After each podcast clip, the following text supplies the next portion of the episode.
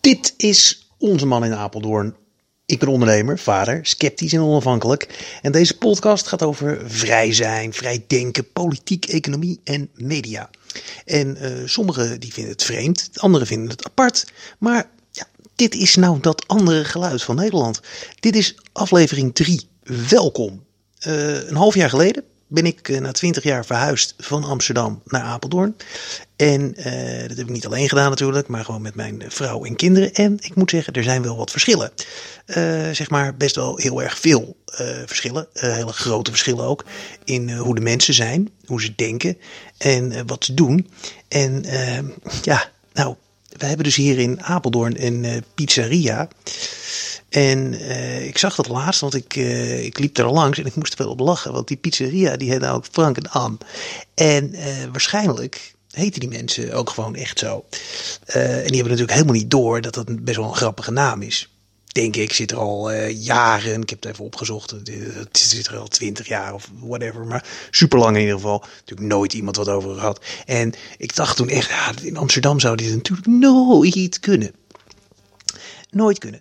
Vorig jaar stond er namelijk een bericht in het Parool dat er een nieuwe bakkerij zat op de Raadhuisstraat. Uh, dat is zeg maar onder de voet van de Westertoren. En dat is zeg maar om de hoek van uh, het achterhuis. En uh, deze bakkerij die heet dus Anne en Frank.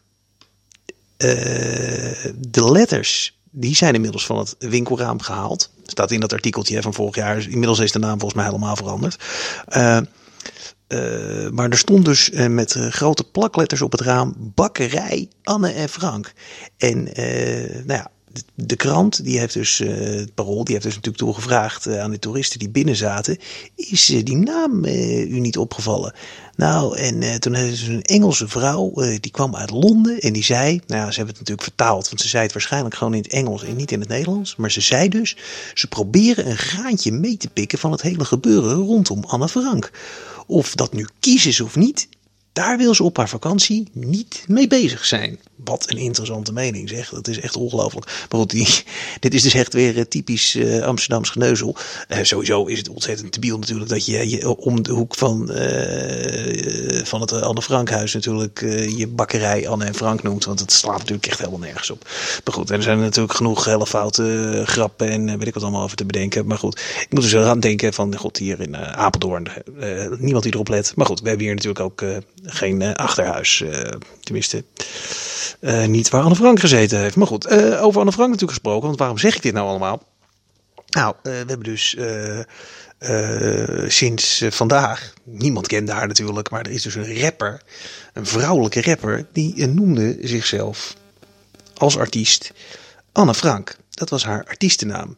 En de grap is dus, ja, de grap. Uh, ze, ze, ze rapt op een plaatje samen met Lange Frans. En uh, nou ken ik Lange Frans wel een beetje, wel eens wat, uh, wat mee gewerkt. Maar die, ja, die is natuurlijk ook niet vies van een beetje publiciteit. Dus dit is natuurlijk super slim dat hij dit gedaan heeft. Want niemand kende Anne Frank. En uh, tenminste, de rapper Anne Frank, hè? Laten, we, laten we wel wezen. Niemand had ooit van haar gehoord. En nu blijkt ze er dus opeens te zijn. En uh, dat is natuurlijk super slim. Uh, en Frans, die Anne dus vroeg voor zijn nieuwe plaat, die was niet op de hoogte ervan dat deze Anne Frank dus ook nog eens vervolgens best wel antisemitische, antisemitische tweets heeft verstuurd. Dus op Twitter eh, berichten heeft gestuurd die nogal antisemitisch waren. En uh, Frank, die, uh, Frans, die, ach, Frank Frans, is zo ingewikkeld, jongen. Uh, die, die zegt, ik ken haar al wat langer en zie meer kanten van haar. Ik geloof in haar. Even goed hebben we besloten om nog te verschijnen materiaal voor deze rapper uit te brengen onder de naam Anne. En niet onder Anne Frank zegt hij. Dus eh, ze hebben dus uh, de naam aangepast, uh, haar artiestennaam. Dat is natuurlijk logisch. Volgens mij gewoon een part of the act hoor, maar goed. Uh, even kijken, want Anne Frank, die dus nu Anne heet, die, wat ook niet echt een hele goede artiestennaam is hoor, want Anne is natuurlijk ook gewoon een naam. Die zei dus eerder dat ze naam had gekozen omdat dit al, al uh, op, sinds de basisschool haar bijnaam is. En uh, de echte reden dat ik voor deze naam heb gekozen, omdat ik altijd zo werd genoemd.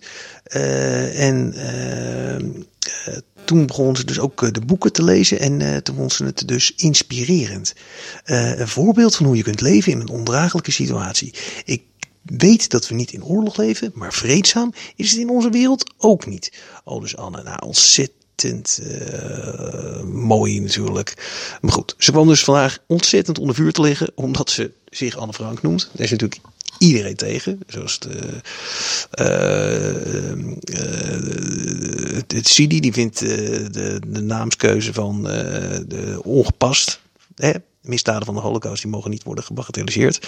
Nou goed, en dan vervolgens staan dus ook een hele bloemlezing van allemaal tweets over haar, die nogal antisemitisch zijn. Dus als Taylor Swift een Jood was, zou ik haar persoonlijk vergassen. Nou, dat is het niveautje, mensen. Echt ontzettend leuk. En jezelf dan Anne Frank noemen, hè? Je bent echt niet oké. Kijk, hier nog één.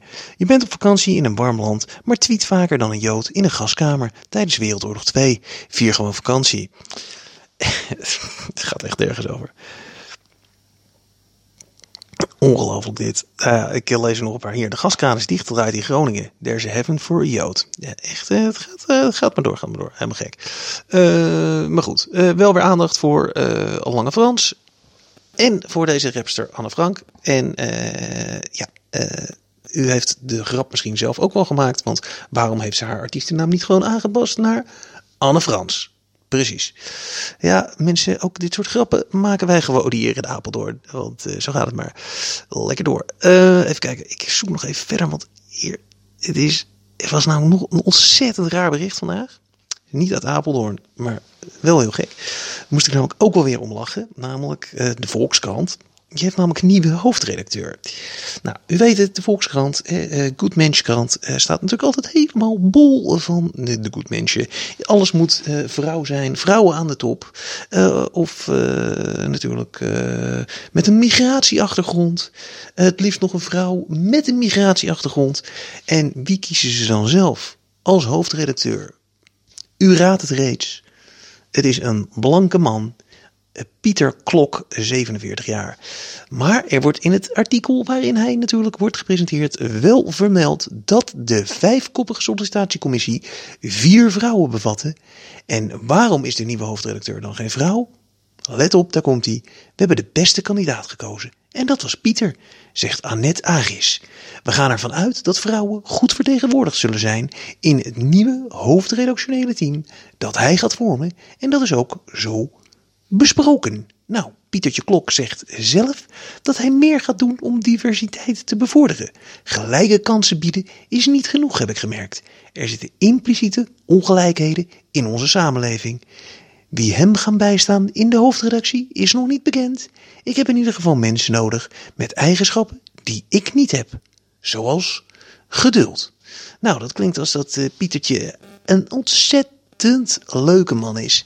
Uh, die zelf gewoon eigenlijk gewoon een stapje opzij moet doen om een uh, vrouw met een migratieachtergrond deze baan te geven. We gaan natuurlijk ook gewoon vanuit dat Pieter dat gaat doen. Net zoals dat de hele uh, hoofdredactie van NRC Handelsblad ook recent vernieuwd is ook gewoon weer een blanke man van middelbare leeftijd. Maar goed, ze zijn lekker bezig. Sowieso oud papier, maakt niet uit mensen. Uh, kranten blijven niet bestaan. Hè? Dat weten wij allemaal natuurlijk. Um, maar goed, dan nog wel nieuws uit de natuur. Uh, zoals altijd. En hier natuurlijk uit de regio. De Raad van State die heeft vandaag met een einduitspraak de weg vrijgemaakt voor de aanleg van een 35 hectare groot zonnepanelenpark in het Vlierdal in Bilp.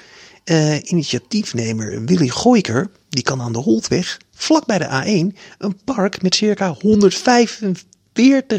zonnepanelen gaan realiseren. Even serieus, hè? 145.000 zonnepanelen, dat is echt fucking veel. Uh, want de raad die wees een hoger beroep alsnog alle inhoudelijke bezwaren van omwonenden Klunder van de hand. En het hoogste bestuurscollege is het niet eens met Klunder dat de gemeente Voorst geen zorgvuldig besluit over de bouw van het zonnepark zou hebben genomen. Ja, ik, ik snap het wel. Die, die, die man die wil natuurlijk gewoon geld verdienen. Dan heb ik hem natuurlijk ook helemaal niet kwalijk. Krijgt hij waarschijnlijk ook nog allemaal subsidie voor. En de hele. Maar ik snap het echt niet. Wat wat, het is zo ontzettend lelijk, die zonnepanelen. En uh, ook dit is weer, dat, vind ik ook altijd weer zo gek. Dat is dan weer GroenLinks uh, en uh, al die milieupartijen. Die willen dan natuurlijk weer alles vol plempen met windmolens en zonnepanelen. Terwijl het er zo slecht is voor het milieu. nou, voor de omgeving in ieder geval. dat is onbegrijpelijk. En ze willen het nu ook op het water gaan doen, heb ik uh, gelezen. En dat je dus dan een stuk van het IJsselmeer helemaal vol plemt met, uh, met zonnepanelen. Maar ze weten dus helemaal niet wat er, uh, wat, wat, wat er dan gebeurt. Hè. Misschien is dat toch ontzettend slecht. Die, die, die straling die er dan vanaf komt, of die energie die er vanaf komt, voor, de, voor de vissen. Dus voor de visstand is dat heel slecht. En dat weten, weten we niet. En wat ook nog eens een ander gevaar is, dat de vogels misschien wel denken dat het water is en dat ze er gewoon op kunnen landen.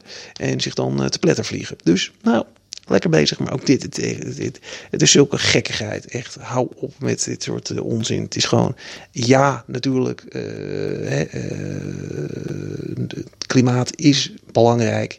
En er, er moeten natuurlijk natuurlijke bronnen van energie moeten natuurlijk worden bevorderd. Maar niet op deze belachelijke rare manier. Want volgens mij hoeft het ook allemaal niet helemaal hier in gewoon druk stedelijk gebied. Wat Nederland toch eigenlijk gewoon over het algemeen wel is. En kan het gewoon op hele andere plekken ter wereld natuurlijk ook gewoon uh, worden gedaan. Ik was uh, van de zomer trouwens, van de zomer, dat zeg ik nou, het is, het is net zomer, twee dagen. Ik was helemaal niet van de zomer. Ik was in april, was ik in Italië en daar, daar, zag ik dus best al een beetje zo af en toe wat zonnepanelen staan. En wat blijkt nou? Dat gewoon Italië dus al lang en breed aan dat klimaatakkoord heeft gedaan, voldaan. En weet je hoe dat nou komt? Ja, ik wist het dus ook niet. Dat komt dus door de maffia.